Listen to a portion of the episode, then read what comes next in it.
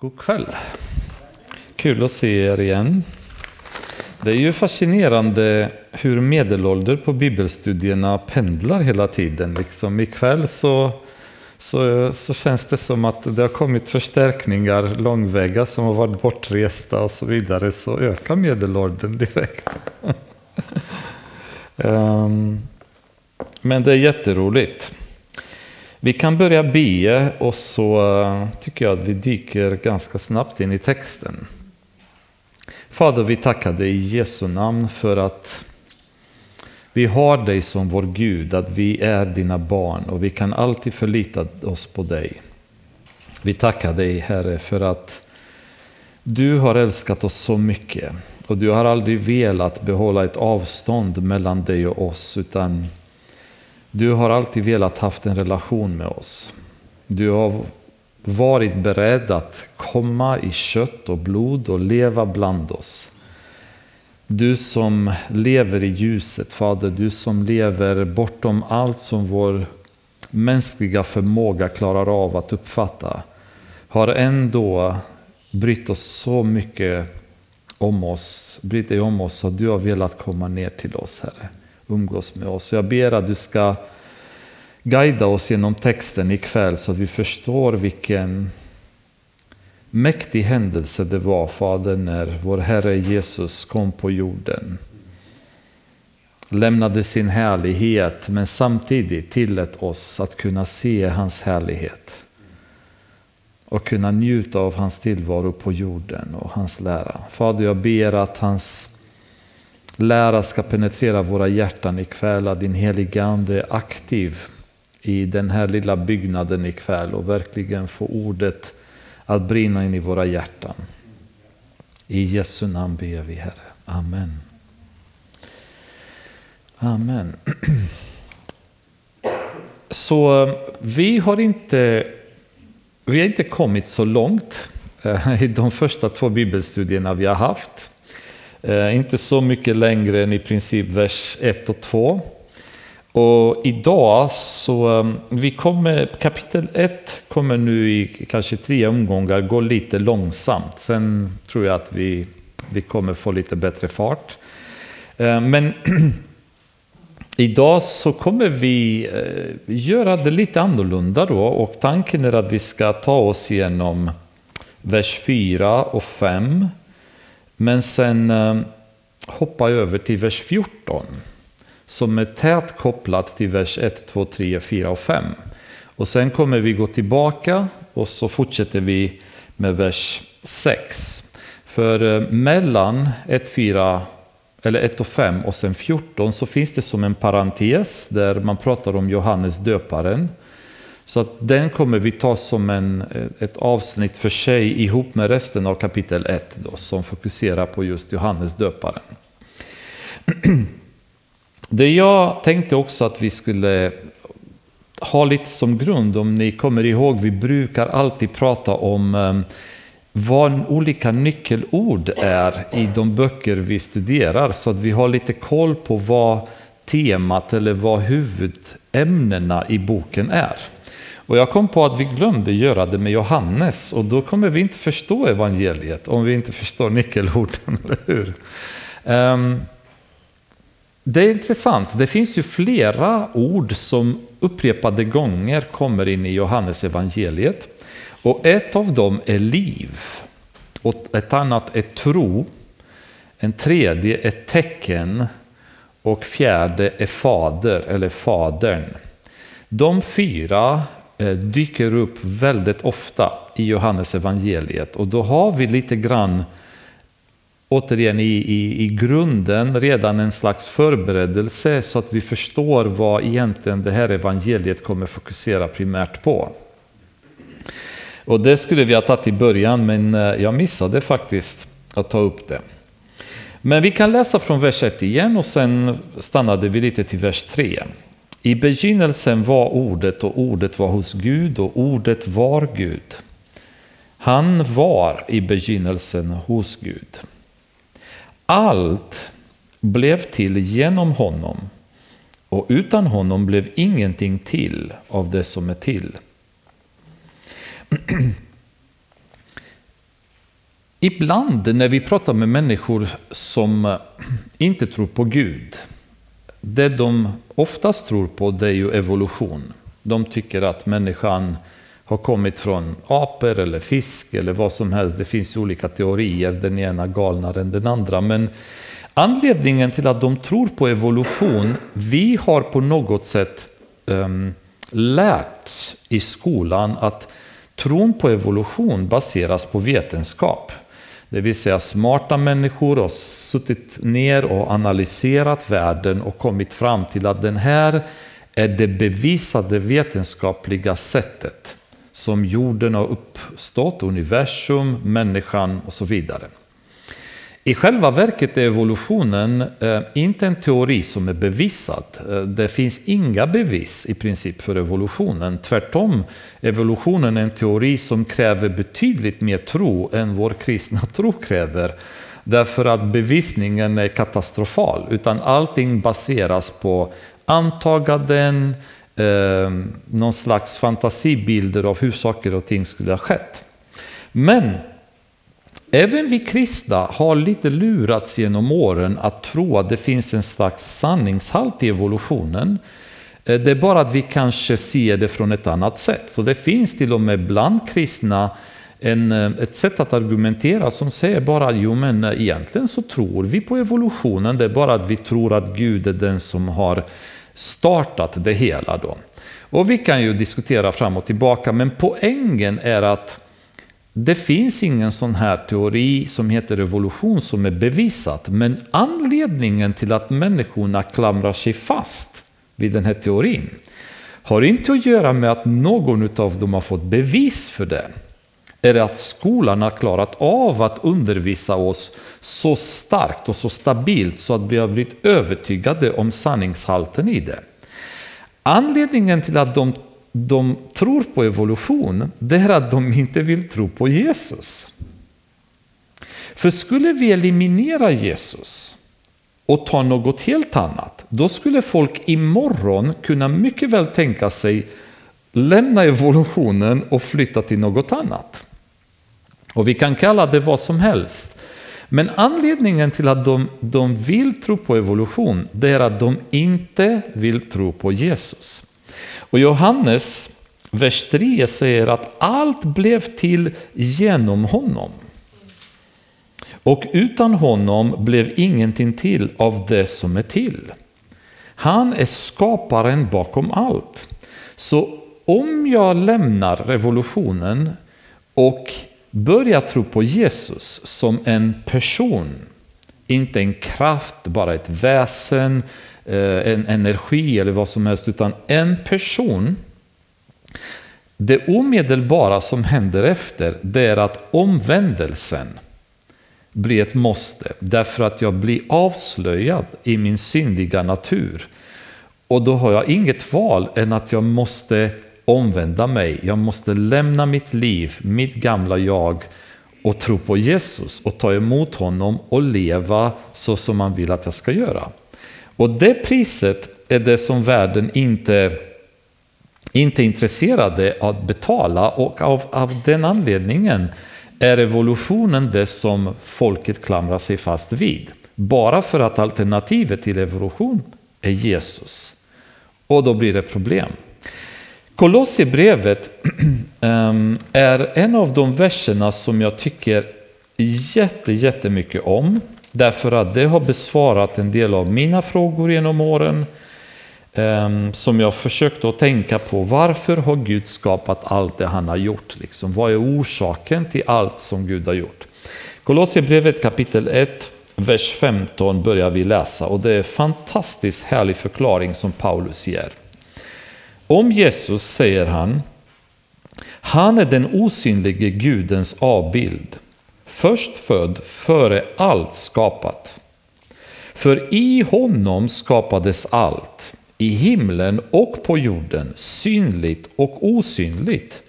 Tronfurstar och herradömen, härskare och makter, allt är skapat genom honom. Och här kommer det fantastiska, och till honom. Det är det underbara med Kolosserbrevet kapitel 1, vers 16. Att det lägger till den här så extremt viktiga delen. Allt är skapat genom honom och till honom. Till honom. Han är före allt och allt hålls samman genom honom. Vilken magnifik beskrivning av Jesus. Han är allt. Han finns bakom allt. Han har skapat allt, det vi ser, det vi inte ser.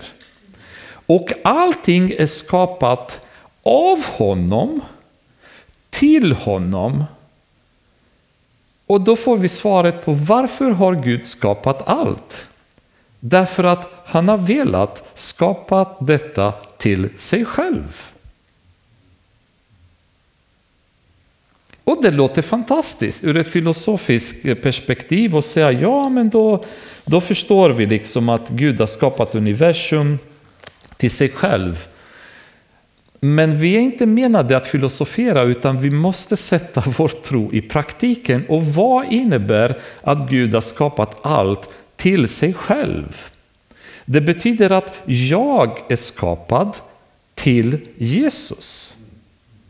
Hela min roll, hela min existens. Det enda berättigande till att jag lever är för att behaga Jesus.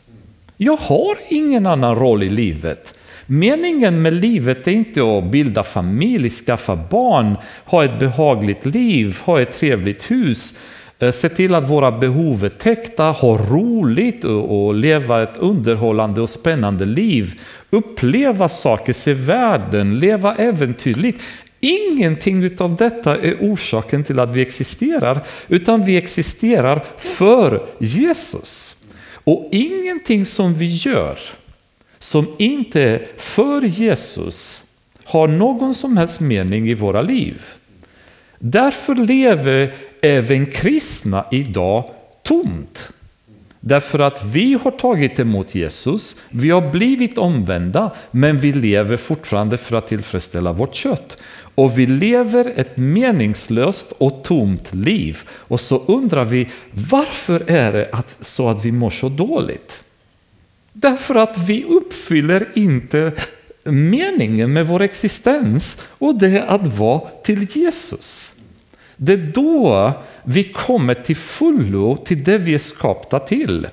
Vi är skapade till att känna honom, till att glädja honom, till att behaga honom, till att göra det som han vill att vi ska göra.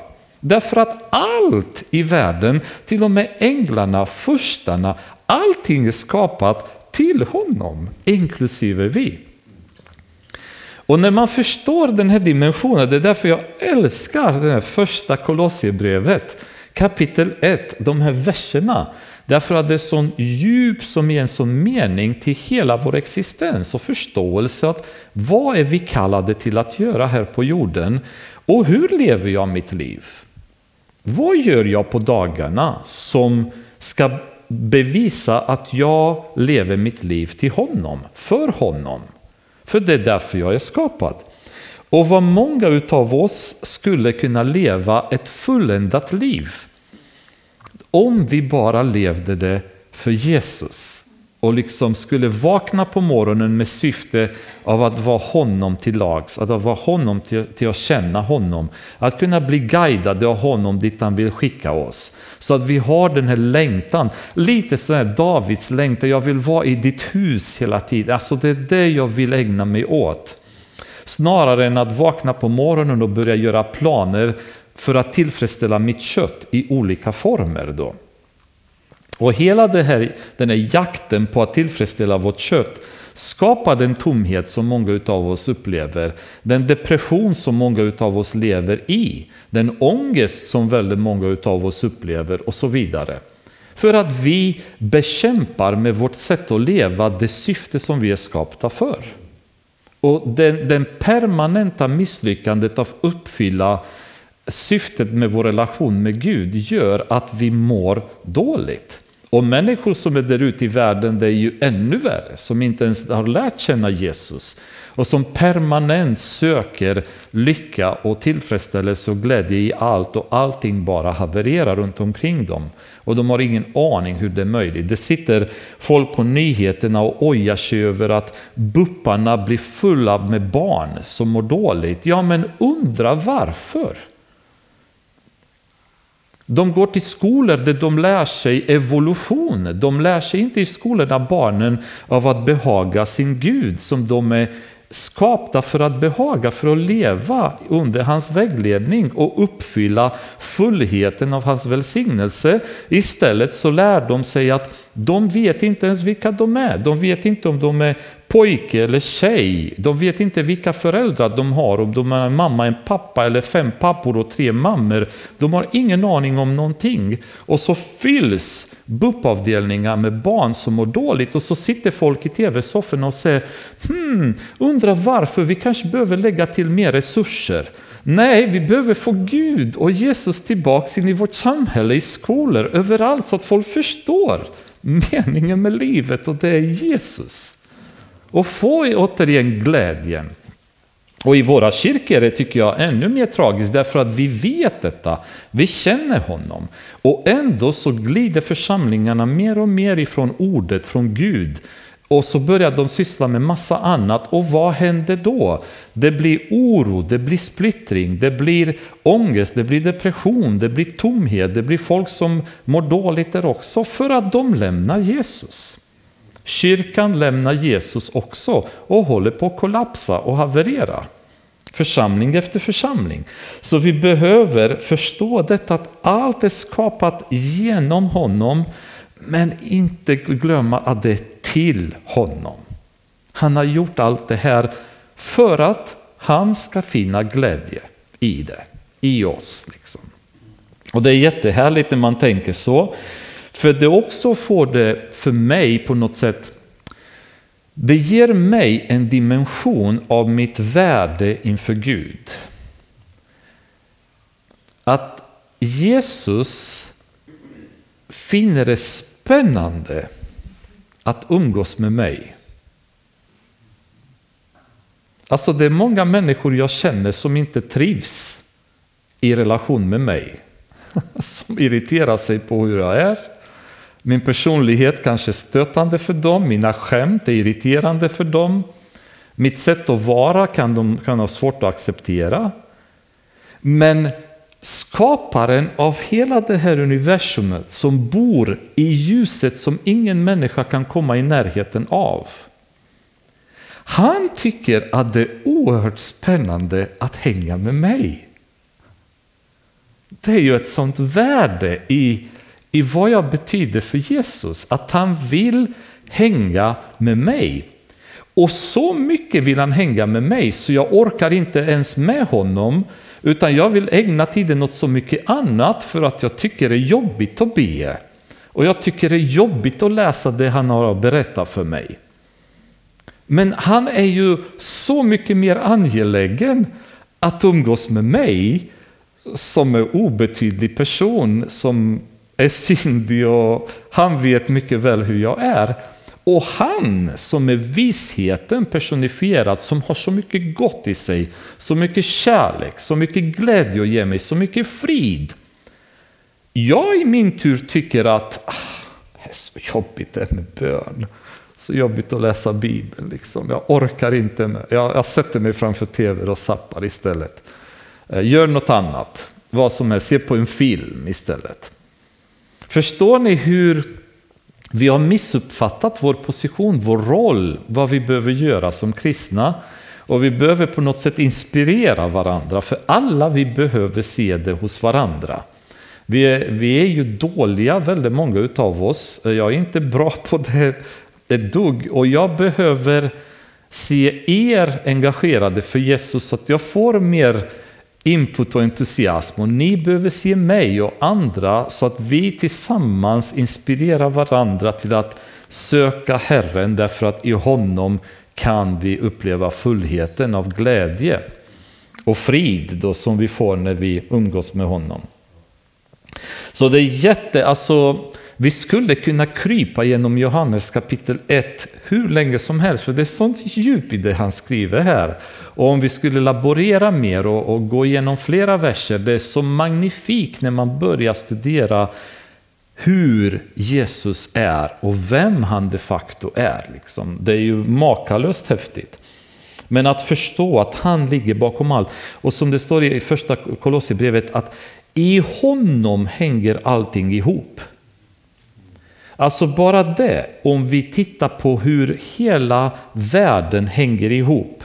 Hur gravitationen och kärnkraften i rymden, hur allting balanserar planeter, galaxer och på mikronivå hur atomerna hänger ihop fast de ska egentligen stöta bort varandra. Vem är det som håller allt det här ihop? Jo, Kolosserbrevet säger han håller allt det här ihop. Och i Uppenbarelseboken, när hela världen kommer bara puff, sprängas. Jag tror väldigt starkt att anledningen till att det kommer bli så, det är att istället för att Jesus ska hålla ihop så kommer han dra bort sin hand. Och allting bara går i upplösningstillstånd. Därför att det är bara hans kraft som håller allting ihop. Det är ingen människa idag som kan förklara gravitationen, fortfarande inte. Fast vi är alla så påverkade och beroende av det. Det är ingen människa som kan förklara hur atomerna som, ska, som stöter bort varandra hålls ändå ihop. De försöker fortfarande att få det här på konstlat sätt och de lyckas inte med det. Och, och få en fusionreaktion, de lyckas inte med det. Och, och, och, det bara händer, bara för att det har varit någon Big Bang någonstans och det, det bara råkat bli så. Nej, det beror på att första Kolosserbrevet kapitel 1 säger att han håller allting ihop. Han får hela den här balansen att fungera. Och när han släpper det, då går allting i upplösningstillstånd. Och det är så häftigt att tänka. Och det är, det, det är honom som Johannes nu börjar. Och han går så djupt och börjar förklara här är vår Gud, liksom. det är Guds son som har kommit och han finns bakom allt. Ehm, egentligen så, så har vi kommit lite grann i vers 3, men jag vill gå igen till första ordet. Allt. Allt. För när, när jag tittar på allt det ger mig också en annan dimension av att förstå vem Jesus är och förstå hans kreativitet. Han har skapat allt. Alltså kan ni förstå vad det innebär? Han har skapat allt. Han har skapat galaxer och planeter och solar och nebuloser och svarta hål på sådana avstånd där människan aldrig kan se eller nå. Men de finns ändå där. Han har skapat dem.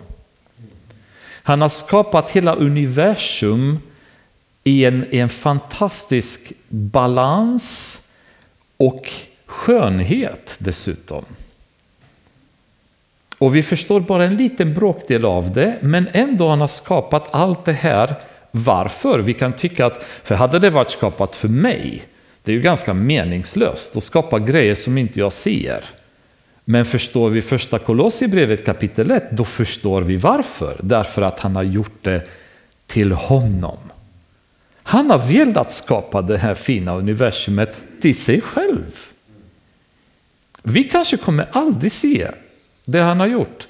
Det finns områden i våra hav som vi fortfarande inte har penetrerat. Och jag vet inte om vi någonsin kommer kunna penetrera och se. Men där finns det liv, det finns varelser, det finns geografiska former. Vad är poängen? Till honom. Han har gjort det till sig själv. Han har skapat en, en målning, en skulptur, ett verk för sin, sitt eget nöje. Och han har skapat den här underbara naturen som fortfarande vi har inte utforskat helt. Vi förstår fortfarande inte allt. Vi har inte hittat alla planter, alla varelser, alla insekter som finns i den här världen. Och vi är ganska smarta nu och avancerade. Men ännu mer poänglöst måste det ha varit för 2-3 tusen år sedan när folk inte ens hade haft möjlighet att forska världen på det sätt som vi kan. De måste ha undrat liksom, vad är poängen med allt det här? Vi kan inte ens klättra uppe på Himalaya och se vad finns det där uppe i toppen.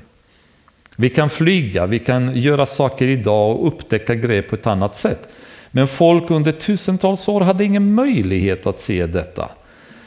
Och allt det här har han skapat. Och allting är så vackert, så perfekt. Färger, struktur, interaktion mellan allting. In i den minsta detalj, om vi går på, går på mikrovärlden. Alltså, vi kan titta i, i mikroskop och gå djupare och djupare och djupare. Och ju djupare vi går, desto flera världar, världar öppnar sig. Och vi når inte botten. Vi kan ha extrema förstoringar på en mikroskop och vi, vi når inte botten av mikrovärlden. Var tar det slut?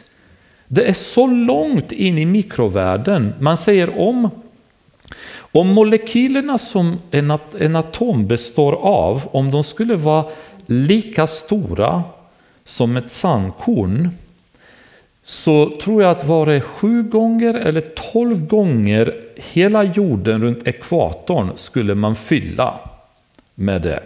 Jag vet inte om det var sju eller tolv, men säg sju för den delen. Det spelar ingen roll. Alltså, så mycket molekyler finns det i en, i en atom och en atom är så extremt liten i sig. Då. Var tar det slut? Var går den här världen någonstans?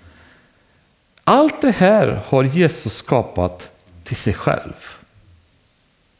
Och mitt i allt detta så har han sagt låt oss göra människa som liknar oss. Det var inte tillräckligt med den här fantastiska skapelsen, för i mitten av denna skapelse så, så sa Gud, vi ska göra något utöver det vanliga. Det här är ingenting som vi har gjort jämfört med vad vi kommer göra nu. Och vi gör, vi gör en människa som ska likna oss.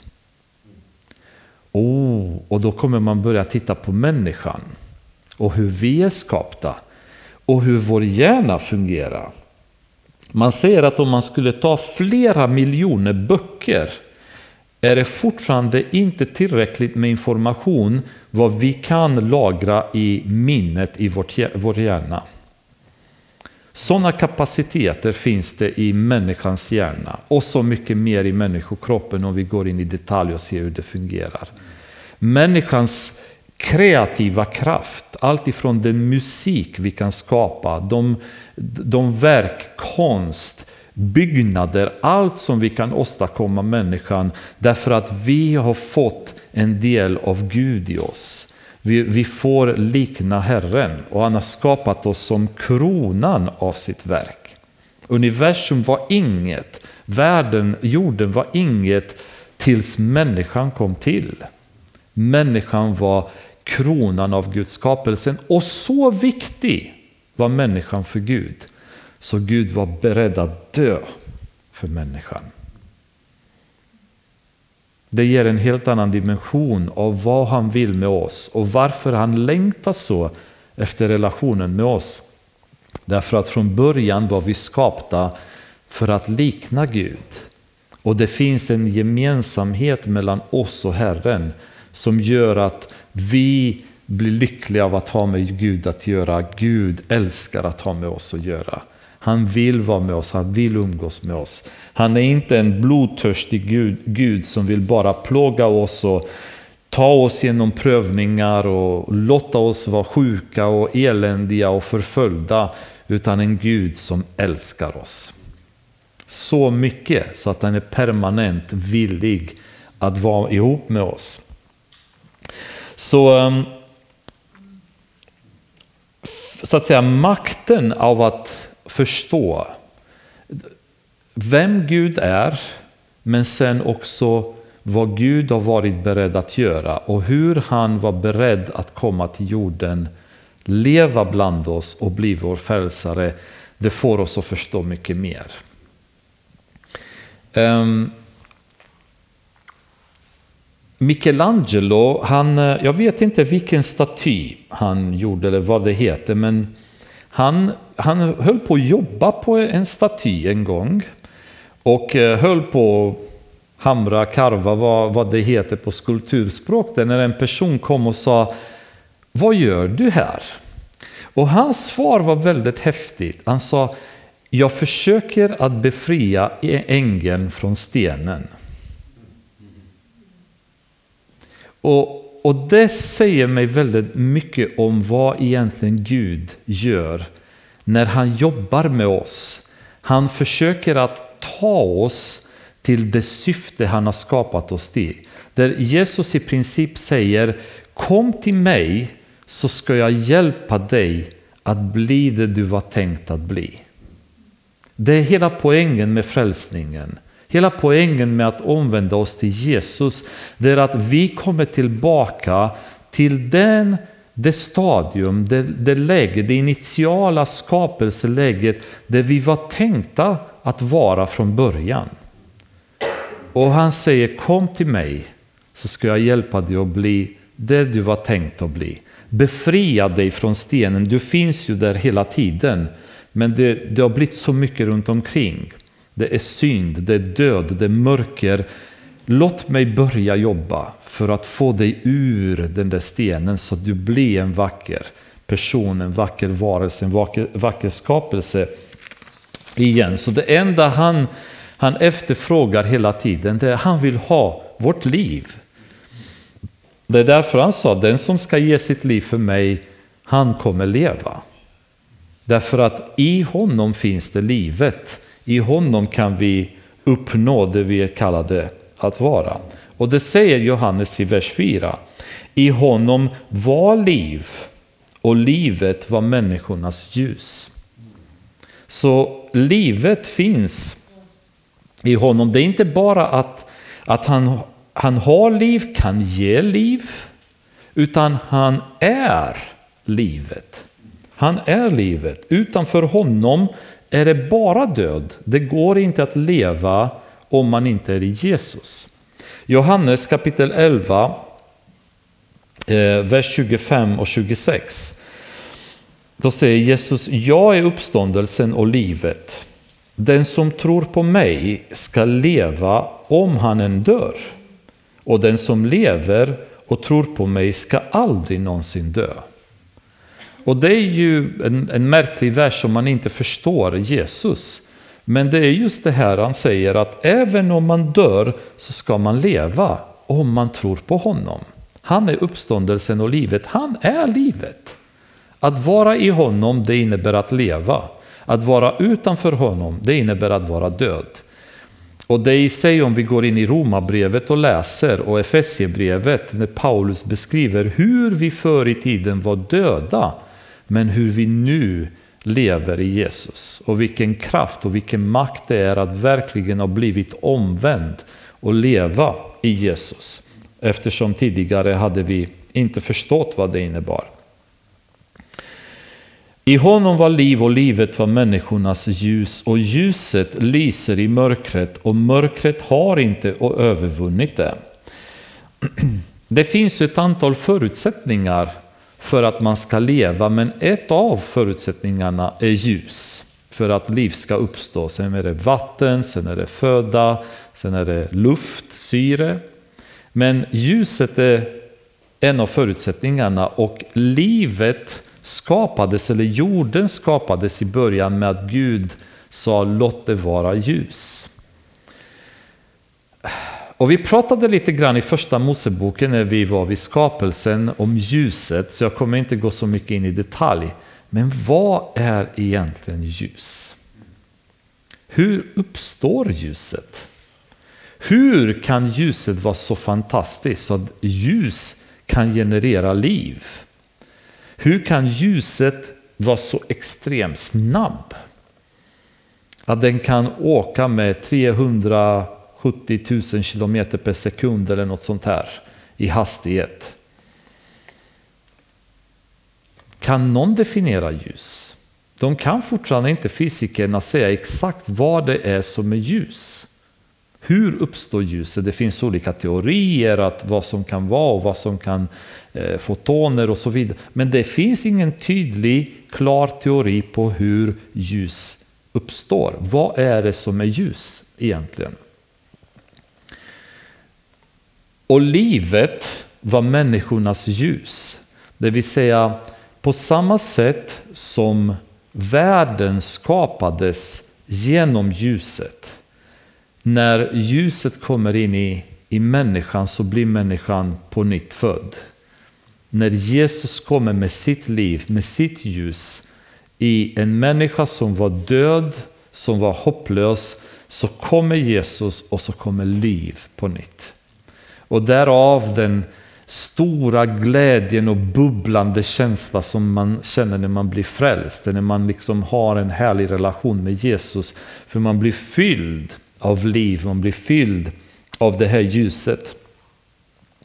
Om vi öppnar till Efesiebrevet kapitel 5 kan vi läsa en liten bit där mellan eh, vers 8 och 11.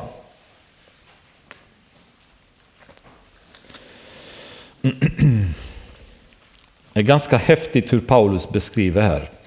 Tidigare var ni, i, var ni mörker, så inte levde i mörker, utan ni var mörker, säger Paulus. Tidigare var ni mörker, men nu är ni ljus i Herren. Lev då som ljusets barn. För ljusets frukt består i allt vad godhet, rättfärdighet och sanning heter och pröva vad som glädjer Herren. Var inte delaktiga i mörkrets ofruktbara gärningar, utan avslöja dem istället. Så Paulus säger att ni var mörker förr i tiden, men nu, nu har ni ljusets frukt i er och består av godhet, rättfärdighet och sanning och, sanning, och vad sanning heter. Så det är det som har hänt i era liv när ljuset har kommit så har ni blivit förvandlade. Och nu är ni goda, nu är ni rättfärdiga, nu talar ni sanning. Och går vi till Galatierbrevet till, till andens frukt, då, då finns det ännu fler som är radade där. Och det är de resultaten som blir i människan eh, utav ljus. Men Johannes kapitel 3, vers 19 säger ljuset kom in i världen, men människorna älskade mörkret mer än ljuset, eftersom deras gärningar var onda. Så om jag sysslar med mörkrets ofruktbara gärningar, som vers 11 i Efesierbrevet 5 säger, istället för att avslöja dem istället, då lever jag fortfarande i mörkret. Då lever jag med de frukter som mörkret har, som Paulus radar i återigen Galatierbrevet kapitel 5. Och det är en hel eh, lista på, på eländiga synder som människan levde under tidigare. Alltifrån avund och sexuell omoral och högmod och så vidare. Det är en lång lista med sånt. Det är vad folk egentligen tycker om. De som söker sig till mörkret. Och man tänker, hur kan en människa vara så dum? Så att man vill leva i mörkret när du kan leva i ljus. Hur kan det vara möjligt? Och grejen är att det ska inte vara möjligt, men problemet är att om man är död i sin synd så förstår man inte vad som finns på andra sidan. Man förstår inte vad kan jag få istället, utan det här är allting jag vet om. Ehm, för många, många år sedan, medeltiden, någon gång då, um, det fanns, jag vet inte om ni som är, några historieintresserade kanske finns, då det fanns ett, eh, ett fängelse i, eh, i Frankrike som heter Bastille. Ärkekänt fängelse där väldigt många låstes in där. Det, man, lev, alltså man levde under jorden i olika celler där. Um, inget ljus, inget dagsljus, ingenting fick man se, utan man levde mer eller mindre i mörker. Och det blev någon slags uppror eller revolution, vad det nu var. Och sen skulle de befria de fångar som var där i Bastille. Och en av dem hade varit där i jätte, jättemånga år, levt i mörkret där inne i fängelset. Och när de befriade honom och tog honom ut ur fängelset, chocken av att möta ljus var så stort för honom som bad att bli skickad tillbaka till sin lilla cell där han hade levt i misär och mörker. Och det var som ofattbar chock för de som befriade honom. Att hur, hur kan vi vilja gå tillbaks till, till det där eländet? Men det var, det var det enda han kände till. Han, han klarade inte av ljuset. Han ville tillbaks, krypa in tillbaks i mörkret. Tillbaka till mörkrets gärningar, till, till livet i mörkret. Och det är precis det som gör att det är väldigt många människor som inte vill till Jesus. De har hittat sitt sätt att leva i synd. Och de lever i ett elände som är obeskrivligt, men de förstår inte att de lever så. Utan de upplever att jag har jätteroligt, jag har massa vänner, jag har jättekul i livet, jag tjänar jättebra med pengar, jag har det jättebra ställt, jag har barn, jag har familj, jag har barnbarn, jättekul att leva. Och de förstår inte att själen håller på att dö i dem. Att det finns så mycket mer de skulle kunna uppleva och dessutom att det här livet kommer ta slut en dag. Och det kommer en evighet och alternativet till evigheten är bara två. Himlen, där det är ljust, eller helvetet, där det är evigt mörker. Och de som älskar mörkret, likt fången i Bastille, de kommer skickas tillbaka till mörkret. Det de har trivts i, det de har älskat, det de har velat leva i. Men den som accepterar Jesus och tar emot ljuset, de kommer till ljuset. Alltså det ljuset där det står att det behövs inte ens en sol längre därför att ljuset från Guds tron är så mäktigt. Det räcker liksom. Och komma och leva i det rena ljuset som ingen av oss har sett någon gång. Ingen kan se det ljuset. Det är, det är nästan till eh, omöjligt att ens föreställa sig. Om vi läser i, i Andra Moseboken, egentligen ska, behöver vi inte läsa, men i Andra Moseboken kapitel 33, vers 20, så står det att ingen människa kan se Guds ansikte och leva. Och jag tror inte för att Gud vill straffa oss för att titta på honom, utan Guds eh, härlighet, ljuset hos Gud, jag tror att det är så mäktigt, det är så starkt. Det går inte med mänsklig kropp att stå framför honom och kunna leva. Det är för mycket. Det är för mycket för vad vi klarar av. Charles Finney beskrev när han blev döpt i heliganden en gång när han var ensam hemma och så Guds ande kom över honom. Eh, det blev så mäktigt och samtidigt så underbart men så mäktigt så han var rädd att han skulle dö. Han kände att kroppen kunde inte hantera den intensitet med vilken Guds heliga ande fyllde honom. Och hela, hela kroppen, det var som att få elstötar genom kroppen och han skrev att jag var rädd att jag skulle dö.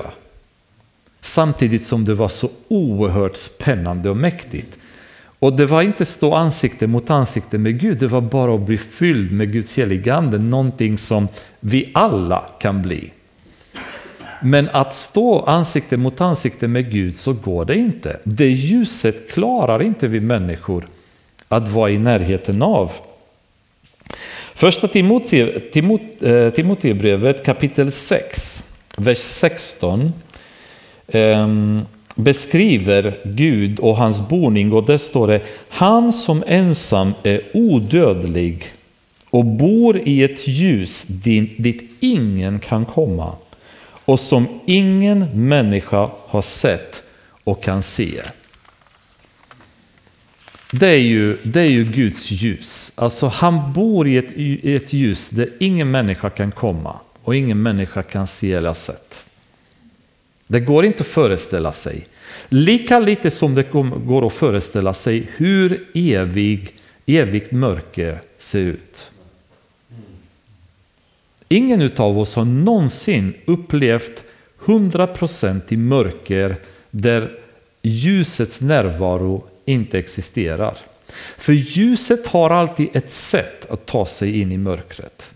Och även om man stänger en person i vad vi kallar för totalmörker så kan våra ögon efter ett tag dilatera sig, utgångspupillen öka mer och mer och mer och vi börjar se i det mörkret. Men helvetet är ett mörker där ingen kan se någonting i. Och ingen av oss har någonsin upplevt hur det är att vara i totalmörker.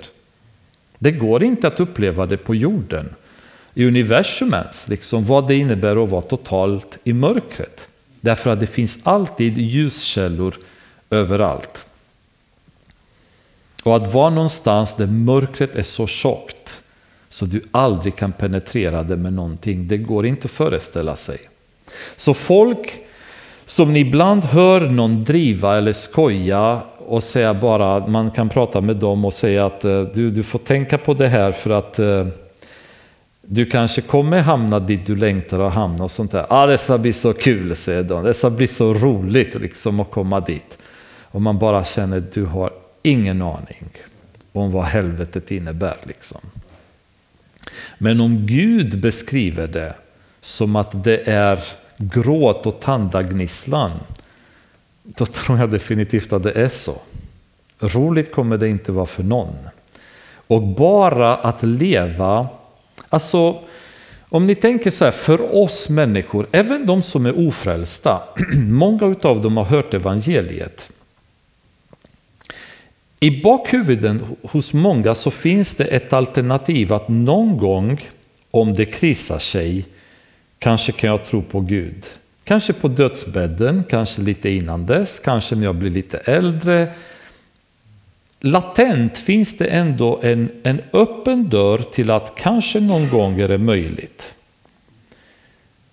Det finns alltid en möjlighet så länge vi finns här på jorden och vet att det finns hopp någon gång. Men hur är det att komma till en punkt där du vet att allt som heter hopp försvinner för evigt? Det finns inget mer hopp. Varenda gång vi hamnar i, i en svårighet, om det är hälsokris, om det är förföljelse, tunga situationer, ekonomiskt elände, vad som helst. Vi har alltid ett hopp om att vi kan ta oss därifrån förr eller senare. Allt eftersom tiden går. Jag kanske får behandling, jag kanske får hjälp, det kanske kommer en ny medicin, etc. Så länge vi lever på jorden så har människan alltid något som heter hopp. När vi har dött och när man hamnar i helvetet och bort ifrån Guds frånvaro, då existerar inte hopp längre. Du kan aldrig hoppas på att Gud kommer ta dig tillbaka, utan det är kört. Du har valt mörkret och i mörkret lever man för en evighet. Den som har valt ljuset kommer leva i ljus i en evighet med Gud. Ganska så, så spännande men samtidigt skrämmande när man tänker på vad alternativet till ljuset är. Det som är kul det är ju vers 14 om vi läser i. Och det står så här. eller jag gör så där. Jag blandar vers 1 med vers 14 för det blir mycket mer spännande att läsa. Och då kan jag säga så här. I begynnelse, i begynnelsen var ordet. Och sen hoppar vi nu till vers 14. Och ordet blev kött och bodde bland oss. Och ordet var hos Gud och vi såg hans härlighet. Den härlighet som den enfödde har från Fadern. Och ordet var Gud och han var full av nåd och sanning. Väldigt fint de här två verserna eh, så att säga kombineras med varandra. För om man har läst vers 1 och fortfarande är lite grann oklar med huruvida det är Jesus det pratas om där i vers 1. Är det verkligen Jesus? Då kan man säga, när man kommer till vers 14, då finns det nog ingen mer tvivel vem man pratar om i vers 1. Därför att ordet som pratade om i vers 1 blev kött och bodde bland oss och vi såg hans härlighet. Ingen har sett Guds härlighet förut. Vi pratade förra gången om att Mose han gömde sig i en skreva och fick se ryggen på Guds härlighet. Det var så nära han kom. Men när Jesus kom till jorden och blev till kött, borde bland oss, då fick människan se Guds härlighet i Jesus. Men det utstrålade inte i hans ansikte, ja det gjorde egentligen när han träffade Mose och Elias kan man säga på berget. Men generellt så var han en människa som oss alla andra, men hans härlighet utstrålade. Hans gudomlighet framträdde. Människorna lockades till honom. Det var aldrig att de hade sett något liknande. De hade hört någon prata som han. Med hans auktoritet som de konstaterade när han var ute och predikade. Att folk drogs till honom därför att de förstod att han hade en auktoritet som fariseerna, saduceerna och de lärda inte hade. Guds härlighet utstrålades genom honom. Vi fick möjlighet att få denna Gud som levde i ett ljus där ingen människa kan komma till, ingen människa kan se. Han kommer ner och lever bland oss. Det, det blir en så fantastisk känsla att veta att han har levt bland oss, bland människor på jorden att han är här med oss ikväll. Vi ser honom inte, men han har lovat att när två eller tre är samlade i hans namn, då kommer han så gärna att umgås med oss. Gud, från hans ljus. Vi tror ibland att Gud är så långt bort. Vi har svårt ibland att begripa var han är, men han är ju så nära. Och det är den, det häftiga med med, med kristna tron och tron på Jesus därför att det finns en närhet mellan oss och Gud. Gud är inte långt bort någonstans där han anser oss obetydliga utan han är högst inblandad i våra dagliga ärenden. I våra liv. Inte en sparv ramlar på marken utan att Gud har koll på det. Så inblandad är han i allt som händer, inklusive våra liv. Blev till kött, bodde bland oss och vi såg hans härlighet, härlighet som den enfödde har från Fadern. Och han var full av nåd och sanning. I Kolosserbrevet kapitel 2, vers 9, det skriver Paulus I honom bor gudomens hela fullhet i kroppslig gestalt. Allt som Gud är bor i Jesus i kroppslig gestalt. Därför genom att se på honom så kan vi se Gud. Därför kan Jesus säga den som har sett mig har sett Fadern. För i honom bor hela gudomens Eh, gudomen, gudom, gudomens fullhet i kroppslig gestalt. I första Timoteusbrevet kapitel 3, vers 16 sammanfattar det på ett mäktigt sätt. Han säger, han blev uppenbarad i köttet, bevisad rättfärdig genom ande, sedd av änglarna, predikad bland folken, trodd i världen, upptagen i härligheten. Återigen, alltså Paulus på något sätt säger han är allt. Det sammanfattar allt. Han är allt liksom. Han, han, är, han är liksom sedd av änglarna, predikad bland folket, trodd på och sen upp i härligheten igen då, där han kom ifrån. Det, det är Jesus. Det är vår Gud, det är vår frälsare. Och det sista som det säger i vers 14, det säger han var full av nåd och sanning. Och det är återigen en...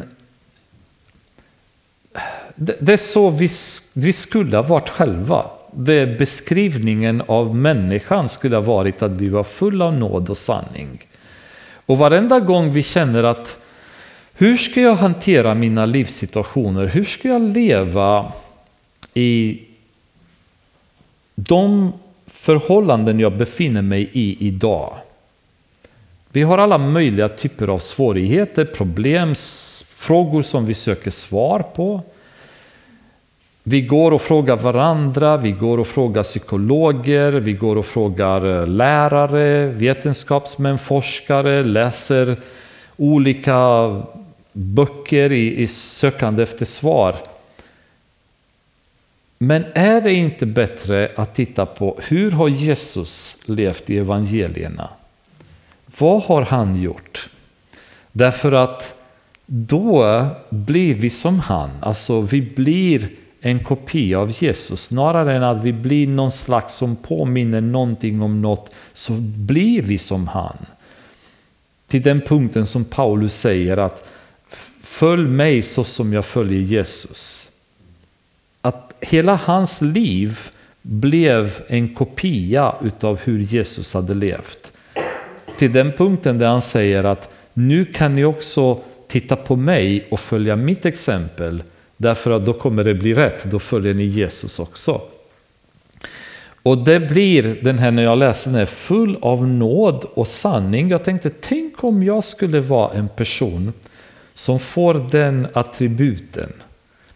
Kompisar, grannar, folk som känner mig, ni i kyrkan, alla skulle kunna titta på mig och säga George, han är full av nåd och sanning. Wow! Vilken människa man skulle vara, eller hur? Men det var Jesus. Och han säger att vi kan också bli det. Vi var skapta till att bli det. Vi har avvikit ifrån det, men målet är fortfarande att vi ska komma dit. Och det är därför han kom och bodde bland oss. För att kunna exemplifiera för oss hur vi ska göra för att kunna vara sådana. Det som tröstar mig dessutom är att veta att han som har blivit kött och bodde bland oss och sett vad vi går igenom och konfronterats med det i sin mänskliga gestalt. Han sitter nu vid Faderns högra sida och medla för mig. Och han säger, Fader jag vet vad de går igenom. Jag vet hur de har det. Var nådig. Han medlar för mig hela tiden, kontinuerligt. Det är därför jag inte blir straffad av Gud så många gånger. När jag behöver bli det. För Jesus står där och säger, jag vet hur de har det. Jag vet vad de möter. Var nådig mot dem. Han är full av nåd och sanning och han står vid Faderns högra sidan med syfte av att se till att vi har det så bra som möjligt. Han är som en mur.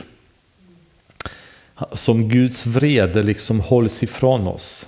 Kolosserbrevet kapitel 3 säger att vi är med Kristus i Gud. Gud kan inte se på mig på ett annat sätt än genom Jesu Kristi blod. Det går inte. Oavsett hur uslig och eländig jag, jag ser mig själv, han kan inte se mig så, för mellan mig och Gud står Jesus. Och han får mig att alltid se vacker ut, att se ut som någon som Gud vill eh, vara ihop med och hänga ihop med och längta efter. Och jag ser mig själv och känner bara, hur är det möjligt? Det är på grund av att han står vid Faderns högra sida och permanent medlar. Åklagaren kommer och anklagar oss, men Jesus är vår advokat och han, han motar hela tiden. Han har varit här på jorden, han har levt i kött och blod bland oss och han vet hur vi har det. Han har fått utstå saker som vi också själva får, utstå. Fader, vi tackar dig för vår underbara frälsare Jesus. Tack för, för hans namn, tack för vad hans namn betyder för oss. Namnet över alla andra namn. det underbara namnet Jesus. Och Herre, jag ber för den här församlingen att Jesus ska bli den absoluta, det absoluta huvudet, Herre. Att hans vilja alltid ska göras genom oss, Herre. Och för att komma dit, Fader, så vet jag att vi måste alla individuellt, hemma, lära oss, Herre, att leva enligt Jesu vilja. Låt oss inte avvika, Fader, från det syfte och den plan som du har för våra liv. Låt din helige Ande fortsätta och leda oss rätt, Fader. Guida oss vartenda steg vi tar så att vi inte springer omkring på platser där du inte vill att vi ska vara. Och Herre, bevara oss från synd mer än allt annat.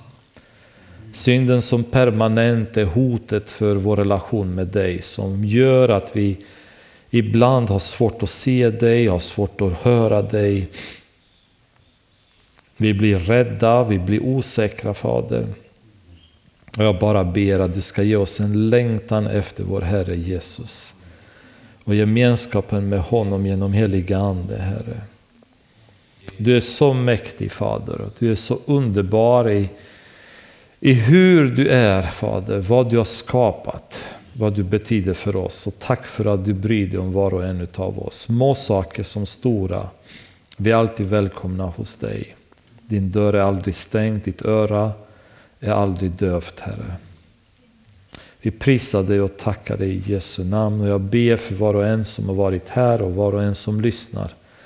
Att du ska välsigna var och en, Herre, med en underbar eh, fyllning av helig Ande, Herre.